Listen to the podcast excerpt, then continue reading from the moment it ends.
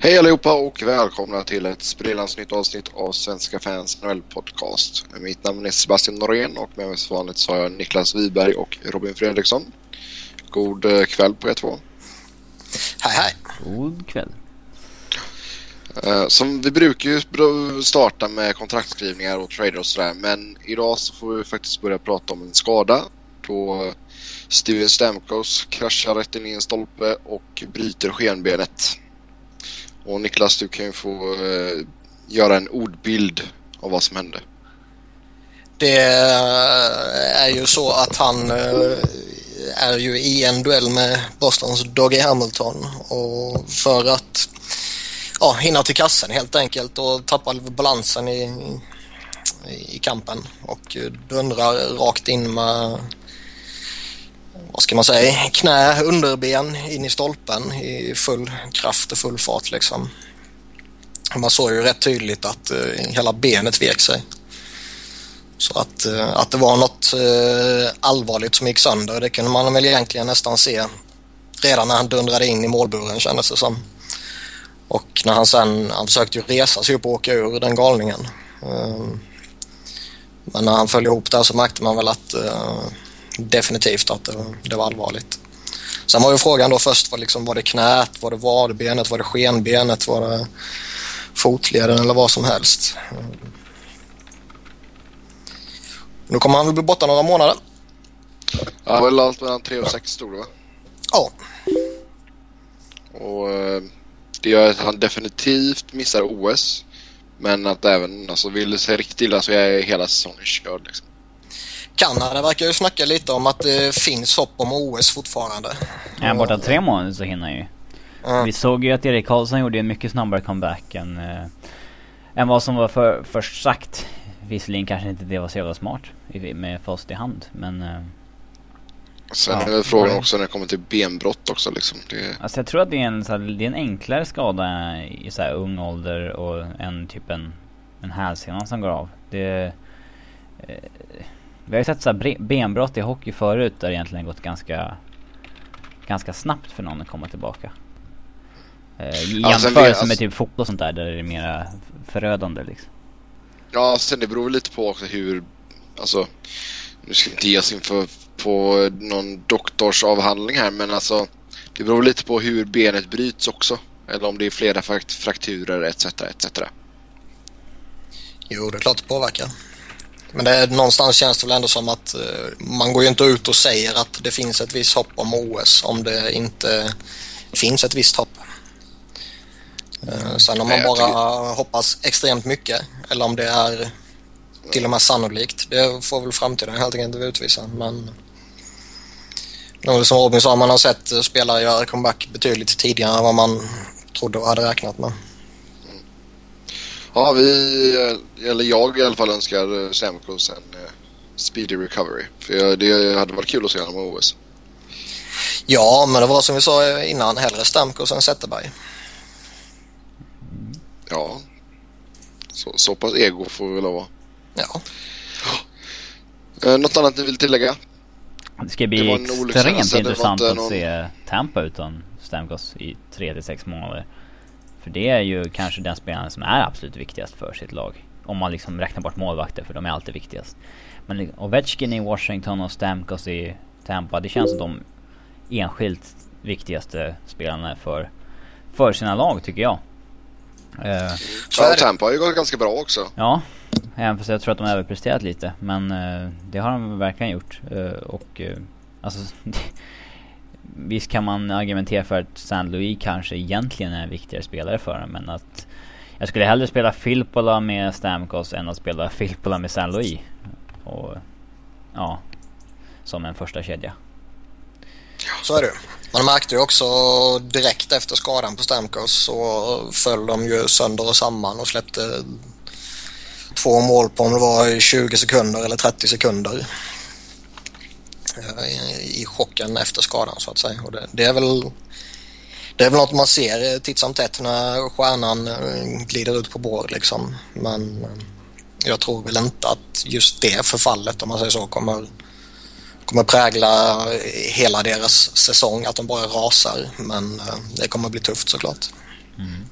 Ja, men jag tror oavsett om det hade varit MKs eller om det hade varit någon annan spelare så är det någon som verkligen ligger och bara skriker ut. Liksom. Det, man såg ju verkligen hur jävla ont han hade. Jo, det är klart. Så det är klart- så det är klart att så länge det är en det- det är- lagkamrat som ligger och liksom vrider sig i smärta så det är klart att man, man känner för honom och, och påverkas givetvis. Men jag tror ändå att man någonstans i bakhuvudet, medvetet eller omedvetet, eh, liksom just tänker på att åh fan, det är ju stjärnan, hur kommer vi klara oss nu? Ja, nej, vi får se hur det går för Tampa. Eh, lite nya kontrakt som har skrivits då. Vi, vi, vi börjar med Illy Bruskalov gör vi. Edmonton eh, resten av säsongen 1,75 miljoner. Mm, de... eh, Det är, det är alltid lite... Lite svårt att prata om den här situationen utan att gå in på Oilers i stort. Men... eh, Det är klart att de inte har något att förlora med, på att testa Bruskalov på ett ettårskontrakt. För att eh, i grund och botten en, en okej målvakt. Eh, men som kanske fick bära hundhuvudet lite för mycket eh, för allt som gick snett i Flyers under de två åren han var där. Eh, men eh, jag tror inte att han kommer kunna rädda Oilers eh, på, något sätt, mm, på något bättre sätt än vad Dubnik har gjort. För det är liksom inte... Visst, Dubnik har inte varit bra, men det är inte där all, allting fallerar. Det känns lite som att de kastar Nej, det, målvakterna de har under bussen här när de signar med Bruscal. Det känns som att de skickar signalen att det är det här som är fel. Nu har vi löst det och går vidare. Eh, för att det, är- det är inte det som är fel. det är mycket som är fel i Edmonton skulle jag vilja säga. Det är både på backsidan och på forwardsidan och i målet. Men alltså överlag så tycker jag inte att Bruskalov är en bättre målvakt än Dubnuk. Jag tycker väl lite, vi ska ju tillägga också att det finns lite olika rapporter om kontraktet. Eh, någon säger 1,75, någon säger 2 och någon säger 2,2. Så jag vet inte om det är något slutligt bekräftat ännu men oavsett vilket så spelar väl de 100 000 mindre roll. Ja exakt. Så Det, är väl, det kan mycket väl vara så att det är 2 mil eller 2,2 så är det prorated och så går det ner till 1,75. Liksom. Ja, lite sånt där. Det, däremot tycker jag du har en poäng i det du säger att det, det är väl ingen extremt stor skillnad mellan Bruskalov och Dubnyk. Um, det, det som jag ställer mig lite frågan, alltså man kan alltid eh, hänga ut Bruskalov som, som Robin eh, sa liksom i början men det är väl inte helt rätt att ge han all skulden för all skit som var i Flyers men um, att han har en stor inverkan på väldigt mycket är ju rätt tydligt tror jag. Eh, Det jag däremot ställer mig störst frågande till i det här fallet det är ju om det är så att man skeppade ut eh, Ladislav Schmid för att kunna signa Bruskalov och Mm, det är där risken ligger. det är, ja, och det är väl lite där som jag känner att man eh, gamblar. Eh, Att man, om man tittar på bara själva grejen att ta in Bruskalov så är väl inte det en, en idiotsak på det sättet på ett ettårskontrakt. Eh, visst, han kan alltid spela dåligt och han kan alltid vara en, en udda person i ett omklädningsrum men det kan man enkelt åtgärda med ett ettårskontrakt. Um, Däremot så är jag personligen väldigt förtjust i Smid, så, eller Schmid. Så jag undrar om, om det var anledningen till att man gjorde sig av med honom eller om det bara var en slump att de två sakerna skedde så tätt inpå eller om det var andra faktorer som påverkade att man eh, släppte honom. Nej, det var nog en eh, move för att få plats med Bruskalov under capen. I och med att... Eh, ja, alltså de skickade ju honom mot ingenting i utbyte liksom. Att inte ta, ta någon lön tillbaka. Ja, vi kan ju tillägga det då för lyssnarna att Ladislav Smid och Oliver Roy blev tradade från Edmonton till Calgary och eh, Roman Horak och Lorraine ja, Bros, Brosit, Brosiot, Brozan! Någonting. ja, Brosa gick till Edmonton. Och det var väl eh, en liten skräll i sig att Calgary och Edmonton tradade med varandra. Ja, liksom att man eh, offrar honom. Eh, skickar honom till eh, lokalkonkurrenten så att säga och egentligen gör det utan något jättesexigt utbyte tillbaka. Det, det förvånar mig lite. Eh, för som Yes. sagt, jag, jag är personligen väldigt förtjust i honom. Lite konstigt också från Calgarys sida som har liksom snackat om att de ska låta den här rebuilden ta tid och sånt där. Att de skickar två ganska lovande prospects, alltså ganska högt rankade prospects liksom, eh, mot en en spelare i sin prime som sitter på ett ganska långt kontrakt. Eh, man får känslan, signalen de skickar är ändå att de liksom går för en slutspelsplats. Med att ta in Smid då går man väl ändå inte för en Nej slutspelsplats. men de byter bort prospects mot en en startspelare i NHL. Jo, jo, men de måste ju Men ha de har några samtidigt, startspelare. eh, de har ju samtidigt Giordano skadad. Ja, Ja, fast det är, ja, det är ganska extremt olika spelartyper men en- ändå. Ja, Ja, men det är ändå en bevisat väldigt duktig NHL-spelare. Eh, Som Sebbe sa, man, även om man vill göra en rebuild och man vill släppa fram kidsen så behöver man ändå eh, viss stabilitet i sitt lag och Giordano är väl kanske deras bästa och viktigaste spelare i mina ögon. mm, det kan jag vara med. Sen eh, Jason Chimera, ett tvåårs eh, förlängning här med Washington Capitals med en cap hit på miljoner. Jag tycker det är en bra deal. Ehm, um, 35 plus kontrakt men på två års kontrakt ska väl det inte vara något uh, jätteproblem på något sätt egentligen. Um, han kommer väl aldrig, tror jag, bli den där 20-målsskytten som han var här om året igen. Ehm, men gör han en, en 15 mål så är det riktigt bra för, för den rollen och för den spelartypen han är jag gillar vad han bidrar med. Jag tycker han i ett lag som är byggt av, eller med väldigt många finlirare om man säger så, så är ju han en, en spelartyp som är extremt viktig för dem. Eh, Framförallt när det kommer till slutspel då. Ja. Sen eh, Jared Smith, sen Toronto, ett år, 550 000. Ja, en ren och skär uh, depth-signing ju. Um, de har ju två skador på centrar så Mm.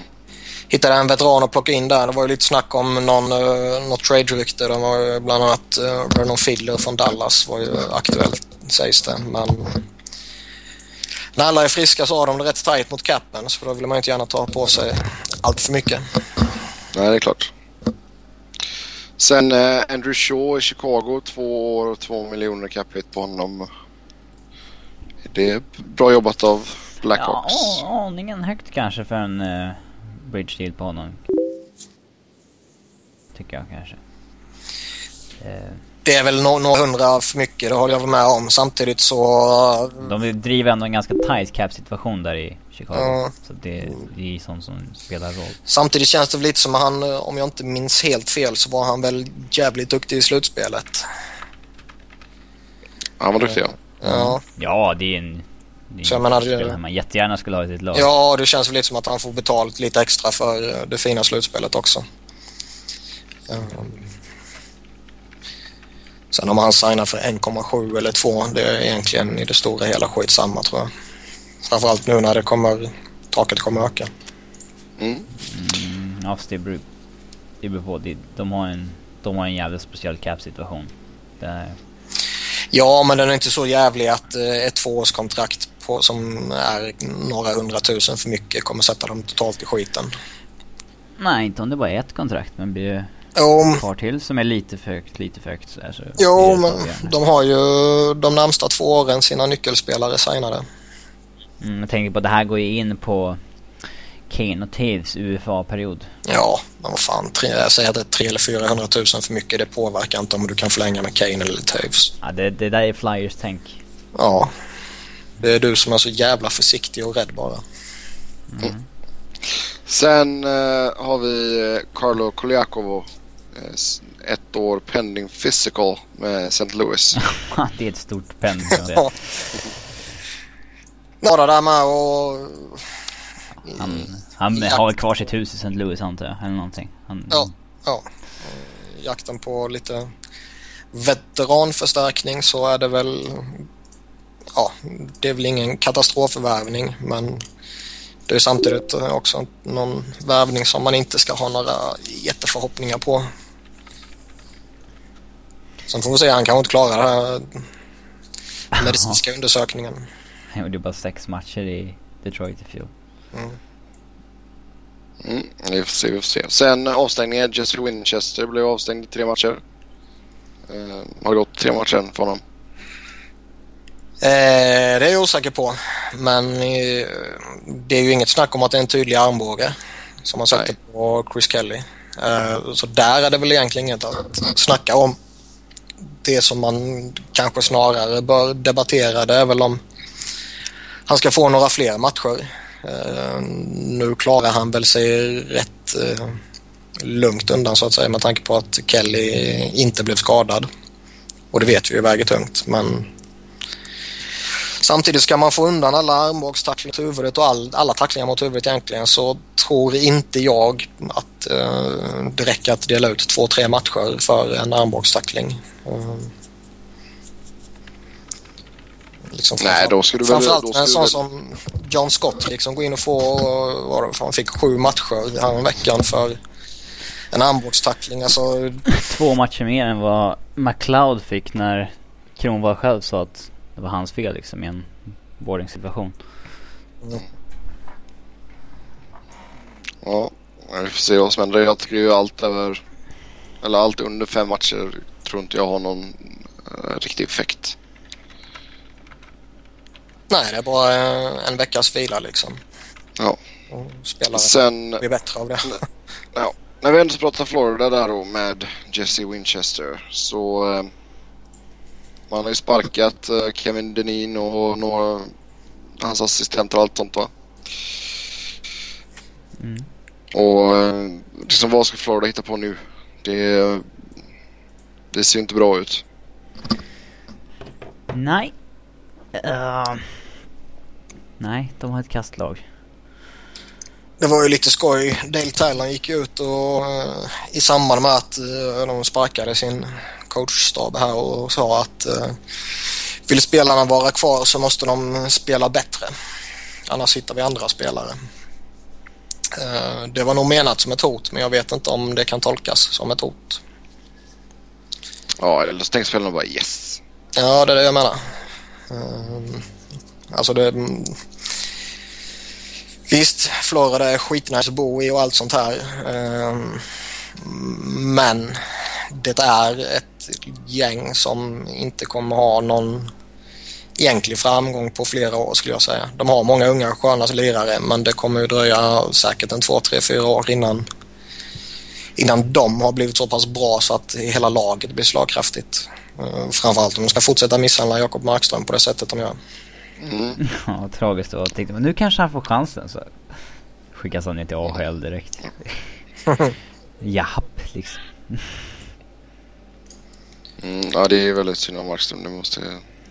Sen är, det, sen är det ju lite, alltså om man tittar ur Floridas perspektiv så har de det rätt tufft ställt också. Just det här att de, de kan inte skeppa ut massa, massa dyra spelare och sånt här för de har inte, alltså den enda riktigt attraktiva som jag ser det som är eh, pending UFA det är ju Marcel Gotch.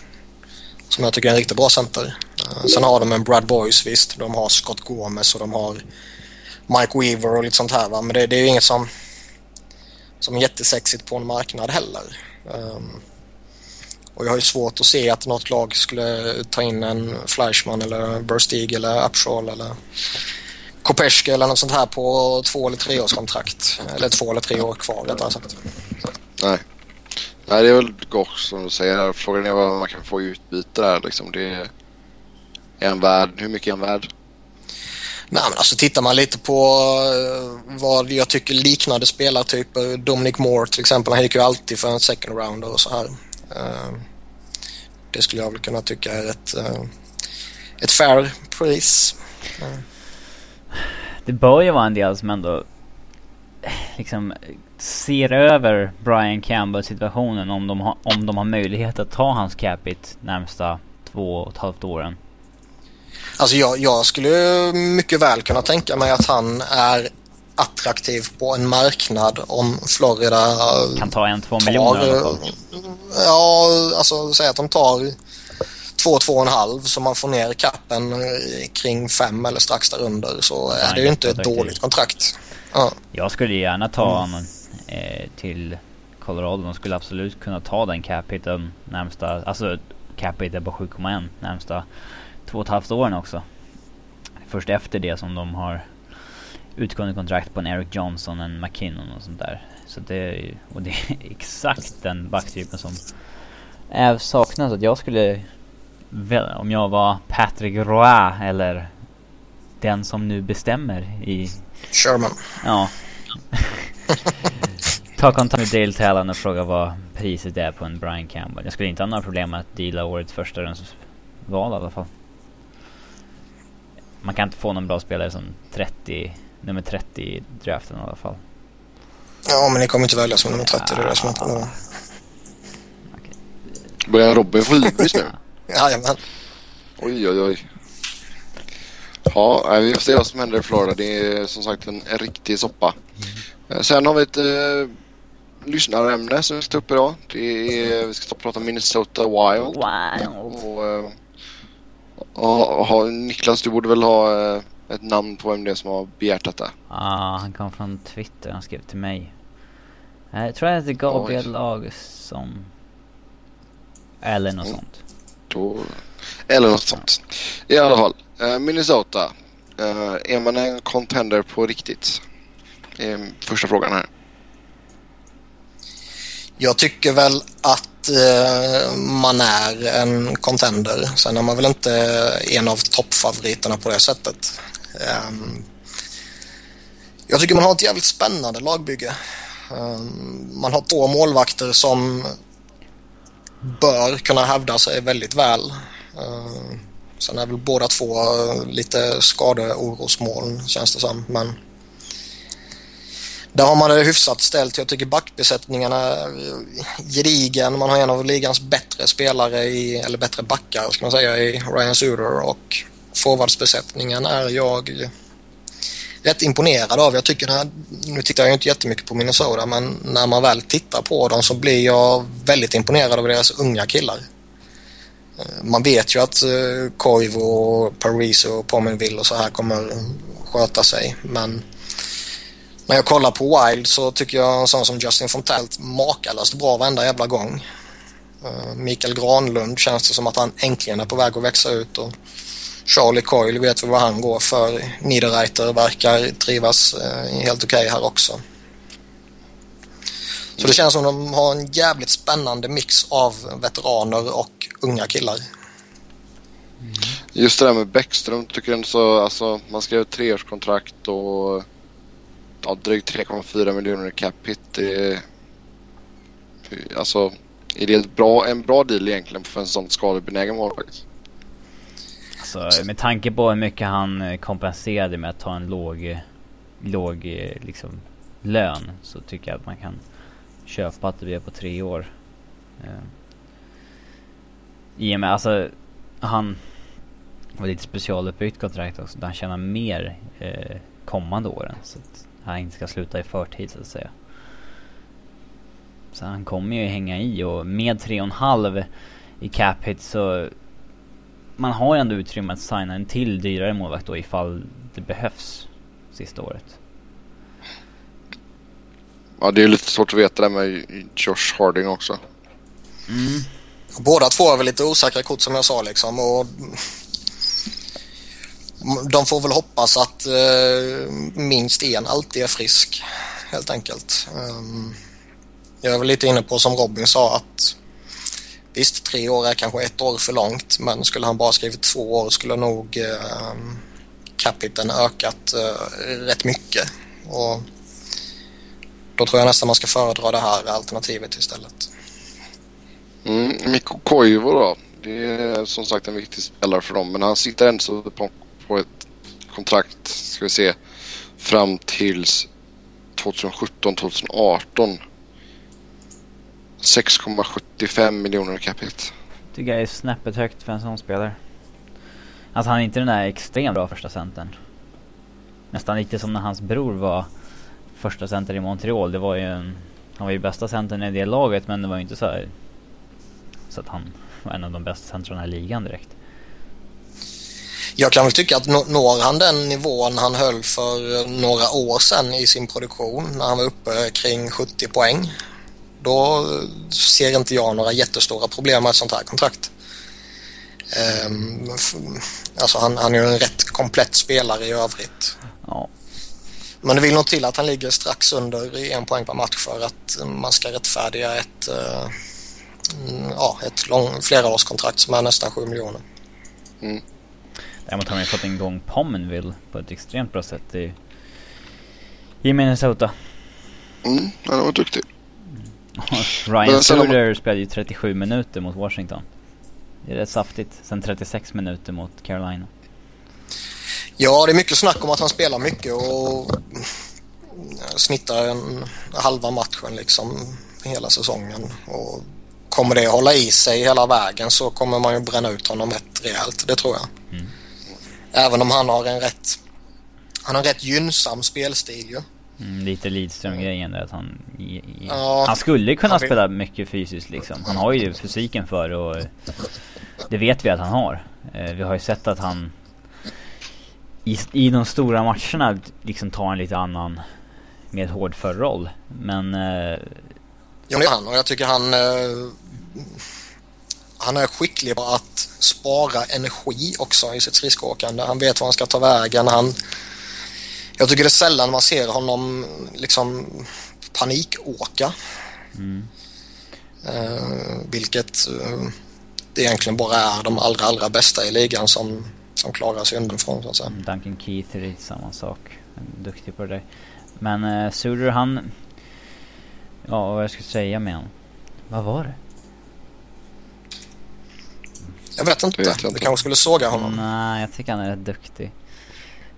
Även om han bärs lite av Jonas Brodin måste man säga. Men, ja. Suter. Ja men det är, det är upp till, det är lite upp till deras coach också att börja matcha lite, alltså kanske sitta om några byten om de leder. Eh, ja i, i, matcher där de liksom har, har säkrat det liksom. Det, att han liksom kanske kan hålla sig under 25 minuter i de matcherna i alla fall. Yes. Sen eh, hyfsat eh, spännande sommar får man väl säga. Jag ligger framför Minnesota här. Danny Heatleys kontrakt går äntligen ut. Ja. Det är inte något de har dragit Sju... med länge men det, det är nog ändå skönt för dem Nej. att det... Så de kan signa Bannick i sommar. där. Mm. Ja det känns ju som att de kommer hitta på någonting. Ja, kommer, kommer um... bli Thomas Vanek. Jag är väl inte helt säker på att han eh, sticker från Islanders om han och Tavares får till ett uh, ruggigt samarbete. Men det sägs bli uh, mening. Sen, sen är ju frågan då, jo det vet jag, men sen är ju frågan, alltså man har redan några längre kontrakt. Man har ju Suru Paris, man har Mikko Koivu har ändå fyra år kvar på ett hyggligt välbetalt och Jason Palmer vill skriva ett, ett nytt kontrakt också. Frågan är hur hur villig man är att slanta upp kanske ett, eh, jag skulle gissa att en sån som Vanek säkert vill ha ett 7-8 års kontrakt. Mm. Eh, och han kommer ju inte ta en cap hit kring liksom 4,5. Utan det kommer nog bli ett långt och ett dyrt kontrakt och frågan är om man är villig att slanta upp det och om man faktiskt kan. Eh, med tanke på att man investerade ju en hel del i framförallt Parise och Suter. Ja, alltså cap hit-mässigt så kan man ju. Sen vet man inte riktigt hur... Jo, men ekonomiskt. Vad de, vad de har för budget där liksom. Men mm. Förutom Hitler då så är det Mike Rapps kontrakt går ut. Eh, Zenon Konopkas kontrakt går ut. Clayton Stoner och Nick Prosser. Prosser. Ja, och det är ju inga spelare man inte kan klara sig utan. Utan det viktigaste är väl kanske snarare att uh, skriva nytt med Niederreiter och Fontän som är RFAs. Mm. Eh, och sen känns det, det som att man, man kommer försöka göra en rejäl förstärkning. Mm. Så de, om man skulle strunta i de spelarna som har utgående då, då, då är det en drygt 12 miljoner cap hit man har att leka med där. Mm. Ja, vi vet ju inte hur högt capen ja, går upp sen. Men det... Nej men alltså jag menar från de spelarna. Mm. Så det är som sagt, kan, man kommer säkert hitta på något. Capen lär väl gå upp med 7 mille? 8 kanske? Ja, inte direkt bara i sommar va? Det, det sägs att det kan göra det men jag är väl inte helt övertygad. Sen är inte jag någon, så jätteinsatt i allt det där men det känns som det är lite väl saftigt om den ökar 7-8 miljoner bara på en sommar. Um, det skulle bli en galen free agency i sommar. Jajamän. Synd bara, synd bara All, helt plötsligt så öppnas det upp 7-8 mille åt alla. Mm. Ja, vi får se. Vi får se, vi får se. Något annat ni vill tillägga om Minnesota? Kommer man eh, ta en slutspelsplats enkelt här? Alltså jag tycker det är så, så svårt att säga någonting om Westlagen egentligen när alla tar poäng hela tiden. Det är alltså... Avs har vunnit 14 av 16 matcher. De har 4 poäng ner till icke-slutspelsplats. Det är... Alltså... Min, jag känner mig inte ens liksom halvsäker där liksom. Minnesota de har ändå vunnit mer än hälften av matcherna men de har just nu en wildcard-plats med två poäng ner. Jag tror väl lite så att eh, Chicago och St. Louis ser jag som rätt givna topp tre i Central. Och sen känns det som den sista platsen står mellan Colorado och Minnesota. Jag tror att eh, om inte Colorado rasar helt och hållet men alla vet väl att det här eh, vinstprocenten inte kommer hålla i sig hela säsongen givetvis men eh, jag tror inte raset kommer bli så jättefarligt heller. Utan det, mm. det känns väl som att de, de fyra lagen där kommer, um, kommer gå till slutspel. Ett av dem tar en wildcard i alla fall.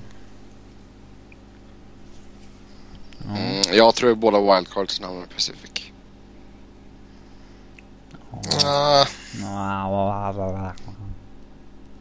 Ja, det, det, jag säger bara vad jag tror. Ja, och vi säger du har fel. Och vi förnekar, ja. ja. vi säger emot. Det får ni gärna göra. Nu ska vi ta och kolla på eh, hur sommarens större UFA har sett ut hittills i år och eh, vi börjar med Niklas extremt dåliga Philadelphia Flyers som tog in Vincent LeCavalier. Och har han gjort något vettigt för er? Ja, det har han. Eh, de två spelarna som egentligen har varit bäst, det är väl de två nyförvärven eh, om man tar utespelare eh, Le Cavalier och Mark Strait då. Han missade ju någon match där, Le Cavalier med skadan och jag är väl inte helt nöjd med att använda honom som, som winger jämte Giroud även om jag accepterar det fullt ut med tanke på eh, kemin de hittade. Nu är han ju tillbaka som, som andra center igen och jag tror man får ut allra mest av honom där. Mm. Och visst, man kan väl alltid, som vi sa i somras, borde kanske varit något år eh, mindre på kontraktet. Men... Man får ge och ta. Det hade ju varit mycket högre capita annars. Ja, det känns så. Och liksom de närmsta tre, fyra åren är jag helt övertygad om att eh, han kommer vara väldigt nyttig för oss. Och som sagt, han har varit en av de bättre i den här bedrövliga jävla säsongen. En av få bra kan vi väl säga inte en av de bättre. Ja, det är väl samma sak typ. Ja. Mm. En spelare som Philly köpte ut det var ju Daniel Brier. Han signade för Montreal sen. Och hur, hur har Brier sett ut i Montreal, Robin? Mm, jag kan inte... Montreal är nog ett av de lagen jag har sett minst, måste jag säga. Men han har ju inte ens lyckats hålla sig frisk så mycket. Han fick ju en hjärnskakning och missade ju 10 matcher tror jag det var. 9, 10, 11 matcher något sånt där. Uh, nu ska han göra comeback inom kort. Jag vet inte om det är deras kommande match eller om det är lite senare i veckan. Men uh, han, de har sagt att han ska göra comeback i alla fall. Sen är jag lite osäker på när det var bara. Och det jag såg av Montreal när han var frisk så var jag väl inte direkt såld på honom. Eh, jag tycker man märkte tydligt i Philadelphia mot slutet att han var slut. Och eh, kan väl inte direkt påstå att eh, han på något sätt kommer eh, göra någon dundersuccé i Montreal. Sen fyra miljoner, det är väl på tvåårskontrakt. Det, är väl, det finns sämre kontrakt om man säger så. Mm. Sen eh, Andrew Ferrens i Edmonton, har han eh, levt upp till de pengarna han får av Edmonton. Svårt att säga när hela Oilers defensiv är så här makalöst dålig men jag har svårt för när man är så här, en kille som har varit en stabil bottom 6 back i decennium. Helt plötsligt ska han vara en ledare liksom i att uh, eh, han är lagkapten och han ska spela i ett första backpar. Och det är liksom...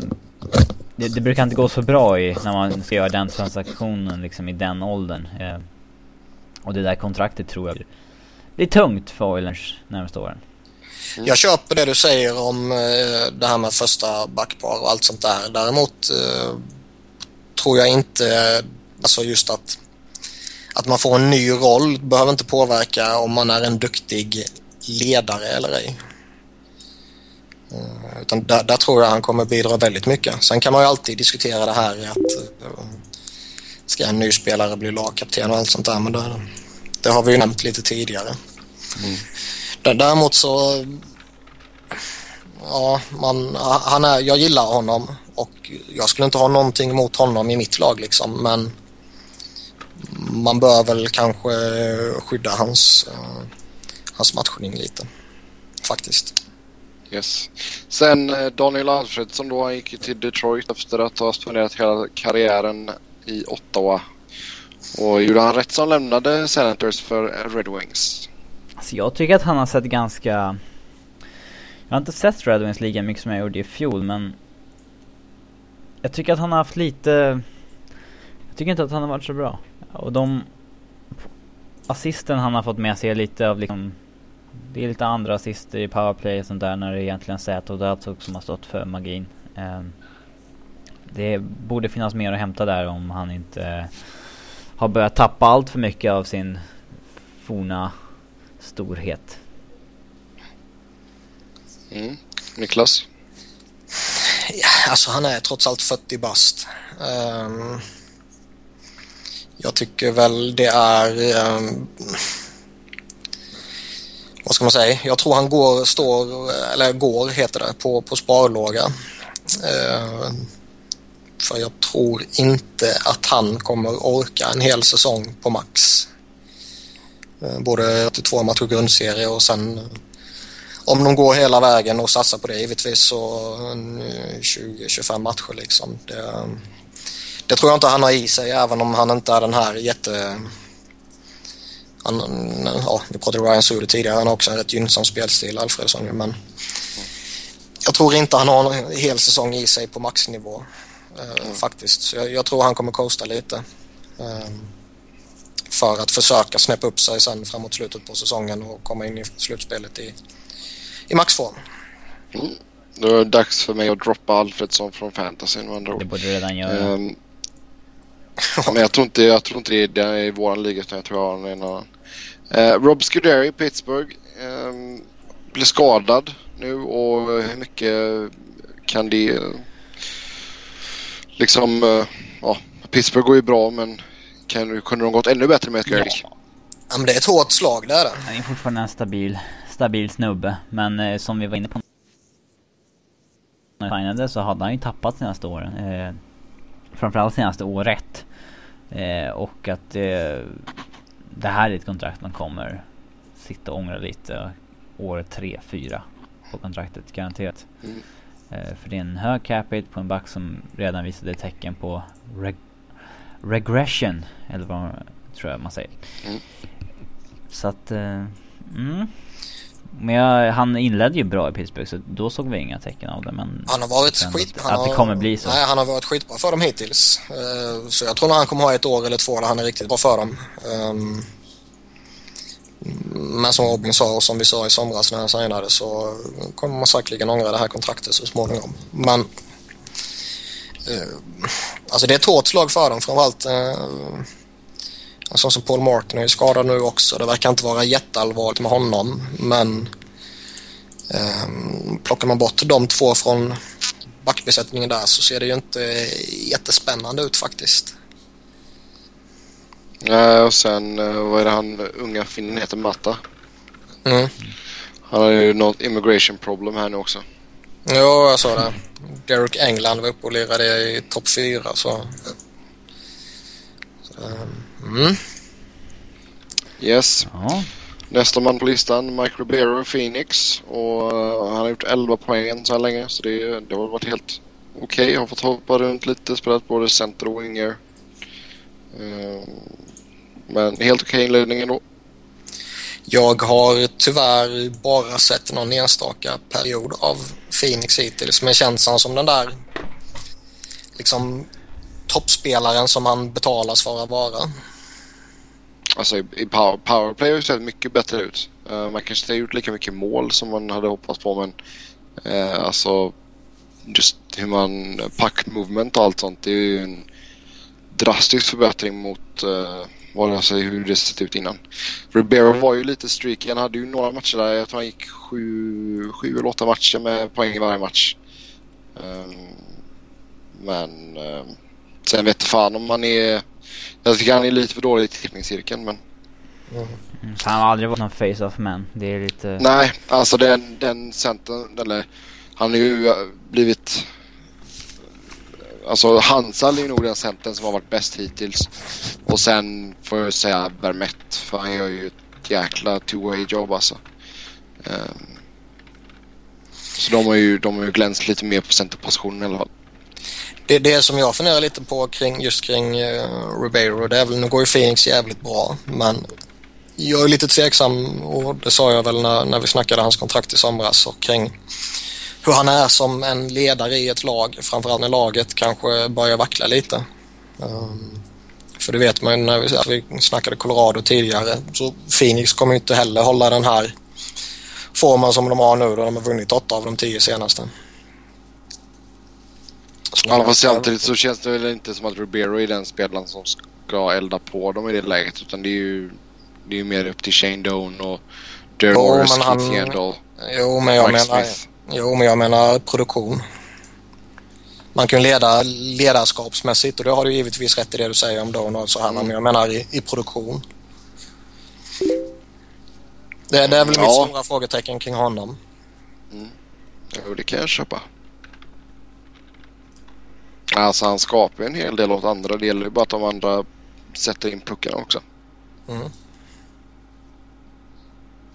Så vi får se. Men eh, en godkänd inledning för Ribeiro måste jag ändå säga.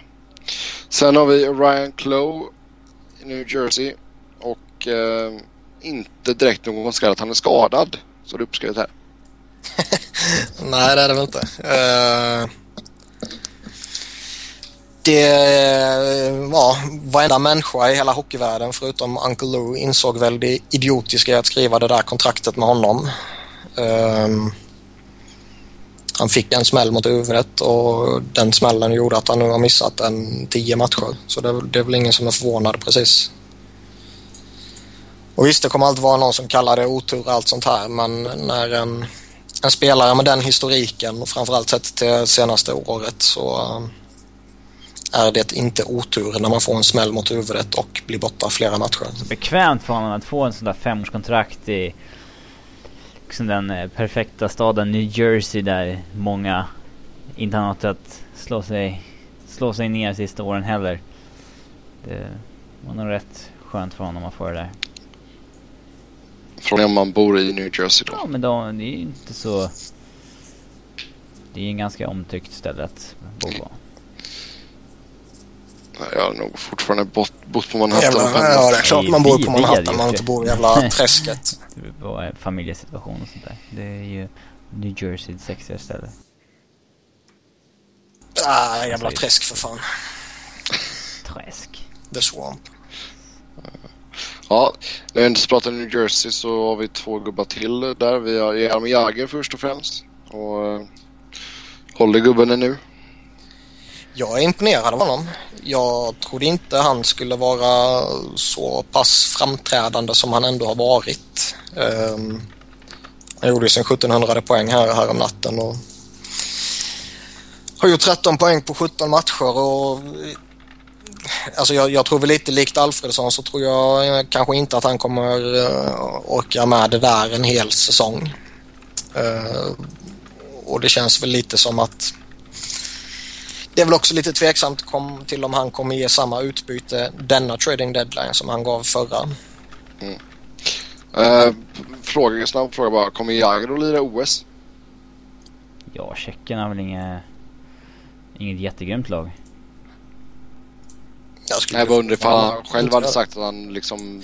Jag har inte hört någonting. Det har jag inte. Han ställer väl alltid upp för sitt land. Det är väl den eh, ideologin han levt efter. Ja. Sen har vi Michael Ryder, även han är en devil. Och eh, godkänd inledning från Ryders sida. Ja, det är en spelare som vars succé mäts enbart i målkolumnen och där eh, har det gått okej. Tycker jag. Han är ju, fort, han är ju fortfarande lite, lite, ja, han är fortfarande lite streaky. Han gör ju en, två, tre mål och sen går han eh, går han mållös i en eh, fem, sex matcher och sen gör han några mål och så går han mållös och, och så här. Va? Men det, det är väl också någonting som präglas av laget han spelar i. Eh, New Jersey har ju inte heller gått tokbra och framförallt har de inte gått superbra offensivt sett. Och Ryder är ju en spelare som han kommer inte alltid skapa sina egna lägen utan han är rätt beroende av att bli serverad. Mm, en finisher. Mm. Eh, sen eh, någon som har gjort väldigt stort avtryck här på sin nya klubb det är ju David Clarkson i Toronto. Han eh, började med att vara avstängd i 10 matcher. Och eh, sen har han skrapat ihop hela en poäng på sju matcher. Det är rejäl valuta för alla pengarna som Maple Leafs kastade Det på har ju gått Clarkson. som väntat helt enkelt. Han har väl i, och för sig varit sämre än vad man, man väntade sig rent produktionsmässigt. Ehm, sju matcher som han har hunnit spela är ju för kort tid för att såga honom om man säger så. Men jag tycker det är tillräckligt lång tid för att kunna eh, se några små tendenser och sånt här liksom. Um, så det är, svårt, det är svårt att säga. Det är precis där på gränsen på vad, hur mycket man ska kunna analysera och så här men eh, det är bara att titta på siffrorna så är det enkelt att konstatera att han har varit en flopp hittills. Han kan kriga hur mycket han vill och han kan vinna hur många närkamper som helst och han kan vara hur grym som helst framför kassen och vid sargen och allt sånt lönen Men så? han har ju precis, han har ju kontrakt som säger att han ska göra precis allting och... eh, såhär 30 framförallt mål, 30 mål. assist och plus 30 i plus minus spelare. Och det kommer han Mm. inte vara något av åren. Där. Jobbigt om man liksom inte ens lever upp till förväntningarna första året. Då blir man snabbt Ja. poppis i Toronto. Får de köpa ut honom? Alltså i teorin nästa säsong. Alltså, de använder, nej de använder inte bägge två. Jo, De använder den på Grabowski. Komisarek. Ja, just det. De, är- de är fast med honom, med Clarkson. Sen eh, vi går tillbaka till Detroit där eh, Steven Weiss. Hur, eh, hur har hans inledning varit? Sitt nya Den har ju lag. varit katastrof. Alltså det är, Han har inte passat in där för fem år och han hade ganska snabbt i en tredje kedja och sen var han nere och tränade med fjärde kedjan. Ehm, men vad det är som inte... Varför det inte stämmer för honom, det, det vet jag. Jag har sett för lite Detroit i år för att svara Jag, på. ja, jag har inte heller sett tillräckligt mycket för att kunna säga vad som är Det är fel lite mysterium. men- Ja, alltså jag trodde han skulle vara skitbra ju. Jag tycker Ja, han har varit eh, väldigt duktig i, i Florida. Jag trodde verkligen han skulle få en, ett lyft när han kom till ett, eh, ett riktigt lag om man säger så. Eh, Nu missade han ju deras senaste match på grund av ljumskproblem. Men kanske är någonting han har haft liksom. Alltså en, den, en skada han har haft i början också som... Ja, det kan mycket väl vara, men sen samtidigt tycker man att han har ju en sån skicklighet i grunden och han spelar ju i ett lag med så många skickliga spelare att någon poäng borde ju trilla in här och där liksom. En så- assist på 17 matcher liksom. Det är, Ja, det är anmärkningsvärt. Ja. Det är det. han ska ju främst vara en playmaker liksom. Ja. Yes, sen har vi Valtteri Filppula i Tampa Bay och eh, frågan är där är ju ifall han lyckats att ersätta eh, Vincent Lecavalier. Mm, alltså hittills har det gått bra men jag tycker att det är en spelare som har haft lite flyt eh, när det kommer till po- eh, poängproduktion. Att eh, jag tror inte han kommer... Eh, han gjorde väl mer mål på typ hälften av sina skott i första tio matcherna. Så att eh, det är inte någonting han kommer kunna hålla i. Och eh, han har väl landat lite nu när det gäller hans målproduktion. Det har inte hänt så mycket på sistone. Eh, Fast där blir det ju grymt intressant att se om han vad som händer nu med Stamkos borta. Mm. Uh, om han går in och får en, en sån snubbe som San Louis jämte sig så känns det som att produktionen kan uh, ta fart liksom. ja, alltså ska han göra första line minuter med San Louis då har han ju förväntningar på sig att leverera ganska bra. Mm.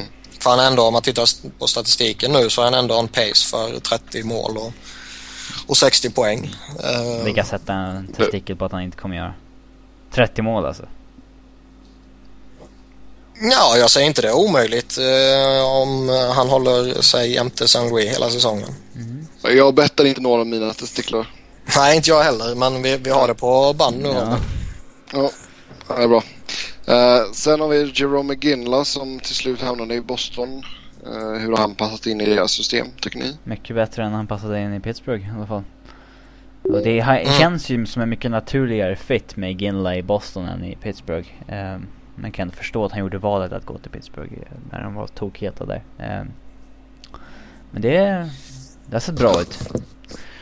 Jag tycker um, han har sett bra ut som Robin säger. Det, sen är det väl eh, samma som, nu minns jag inte vem det var, Jo Ryder. Det, är- det är väl samma grej där att han går några matcher utan poäng och sen smäller han in uh, uh, rejält med poäng i en fyra, fem matcher och sen är han lite tystare av sig ett drös matcher igen. Sen börjar poängen trilla in igen.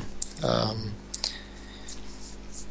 och det är väl någonting man, alltså just i Ginla förväntar man sig kanske en lite mer eh, jämnare produktion av.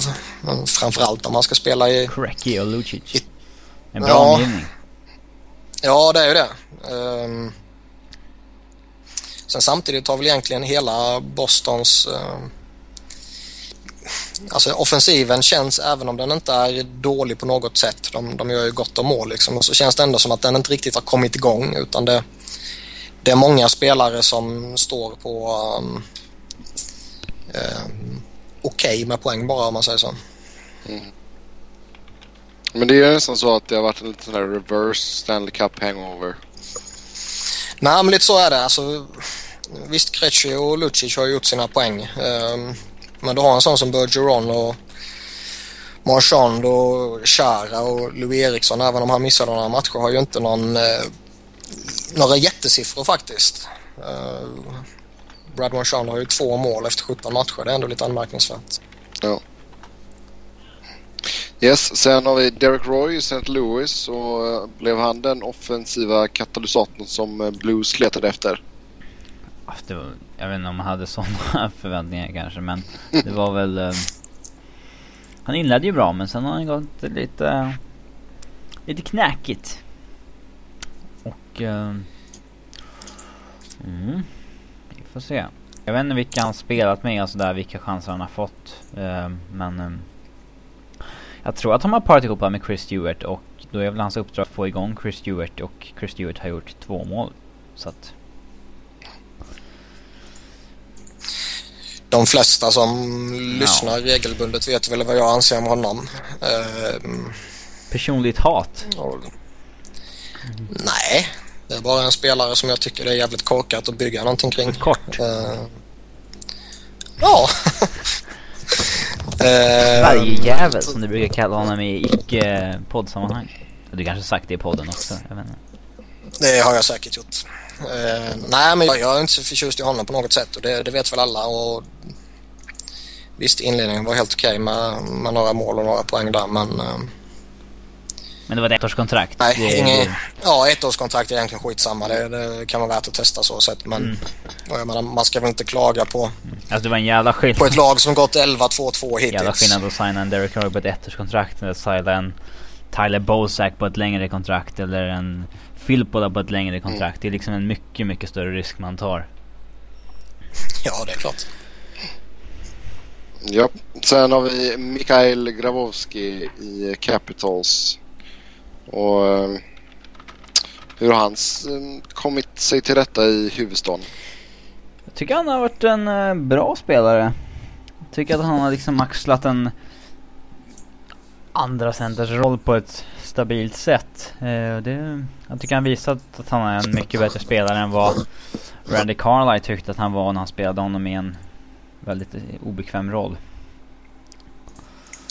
Och jag, jag, jag är lite förvånad att han inte fick ett... Han fick liksom ta ett ettårskontrakt på 2,9. Det... Kanske han ville ta själv för att liksom bevisa nu hur bra han är och sen ta ett längre kontrakt på en högre lön. Men... Eh, ja. Jag är lite imponerad av att Caps fick in honom så billigt på ett ettårskontrakt. Mm. Ja, jag håller med. Jag tycker han har sett bra ut. Han gjorde ett hattrick eh, ganska tidigt in på säsongen också. Mm. Eh, Så det hjälper ju att vinna över fansens uh, kärlek. Eh, Sen sist men inte minst så har vi Tim Thomas i Florida. Och han spelar fortfarande den här otroligt fula hjälmen. Helvita. Donad av Artus Irbe. Alltså den är så gräslig så det är... uff. Ja, jag tycker den är Men lite nu- charmig ändå. Nej, att, något, något jäkla mönster kan du väl ha på den. Inte helvitt. Inte till, inte till Florida, speciellt Floridas hemmadräkter så passar den ju inte någonstans. Nej, det, det gör den ju inte alls. Den, till dräktarna är den ju hemsk men jag, jag, jag kan se charmen i att köra med en helt enfärgad hjälm. Och givetvis under förutsättning att den kanske matchar dräktarna på ett bättre sätt. Ja, men då får den vara svart nästan i så fall. Det hade till och med sett bättre ut. Ja, de dräkterna ja. Men eh, ja, som sagt, andra dräkter den skulle en helvit hjälm nog se väldigt bra till. Mm. Eh, om vi kollar på hans spel då. Han har varit lite skadad Alltså, jag men... Eh, Jag tycker vi analyserar hans mask istället. Han ska väl inte kastas under bussen för Floridas skitdåliga inledning. Jag tycker han, han har faktiskt eh, vissa matcher verkligen visat att han är att han fortfarande kan ta fram det där som han hade under sina bästa stunder i Boston. Så att, eh, Sen har det väl blivit lite som många befarade med honom eh, redan så snacket var i somras att eh, 39 bast varit borta ett och ett halvt år och har redan missat flera matcher på grund av ljumske och så här. va. kan Eh, man bli trade-aktuell vid en deadline ifall något lag kanske Jag är helt övertygad om. mm, Däremot kommer väl eh, utbytet inte bli så extremt sexigt för jag tycker inte han har... Visst, man ska inte... Som du sa, man ska inte slänga honom under bussen för Floridas eh, tillkortakommanden men jag tycker väl inte han har varit helt enastående heller. mm, vi får se, vi får se. Med det så tackar vi för oss för den här veckan. Som vanligt så vill ni snacka hockey med oss så går det bra att göra det på Twitter. Mig hittar ni på @sebnoren. Niklas hittar ni på Niklas Wiberg. Niklas med C och enkel V och Robin hittar ni på R underscore Fredriksson. Tills nästa vecka, ha det gött, hej! Ja,